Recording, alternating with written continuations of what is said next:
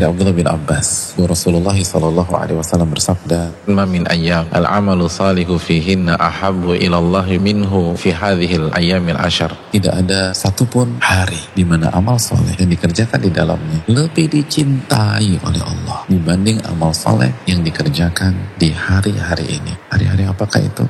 10 hari pertama di bulan Dhul Hijjah Lalu para sahabat bertanya kepada Nabi kita SAW, Ya Rasulullah, wahai Rasulullah, wadal jihadu fisabilillah. Tidak juga jihad fisabilillah. Wala wadal jihadu fisabilillah. Tidak juga jihad fisabilillah. Lalu Nabi memberikan satu pengecualian. Illa rajulun kharaja binafsihi wa ma'li. Kecuali seseorang yang keluar dengan diri dan seluruh hartanya. Malam yarji' min dhalika bisyai. Lalu ia tidak pernah pulang ke kampung halamannya. Ia mati syahid. Hanya itu yang bisa kalau kita ingin mencari waktu terbaik untuk beribadah, kita harus berbicara tentang 10 hari pertama di bulan Dzulhijjah.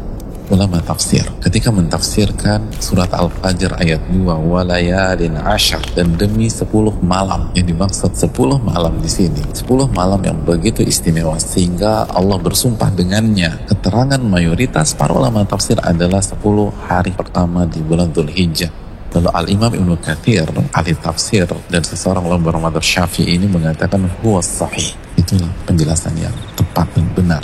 Dan dijelaskan para ulama yang lain seperti Al-Hafidh Ibnu Hajar, salah satu ulama madhab syafi'i ini, bahwa salah satu keistimewaan 10 hari ini, karena 10 hari pertama inilah yang mampu mengumpulkan induk-induk ibadah. Apa induk-induk ibadah? Sholat, zakat, sedekah, puasa, haji dan itu yang membedakan dengan Ramadan dengan segala kelebihan Ramadan dengan segala keistimewaan Ramadan. Tapi bisakah kita haji tanggal 27 Ramadan? Bisakah kita haji tanggal 21 Ramadan? Nggak bisa jangan ibadah-ibadah induk bisa dikerjakan di hari-hari ini. Makanya harus kita maksimalkan buat start yang baik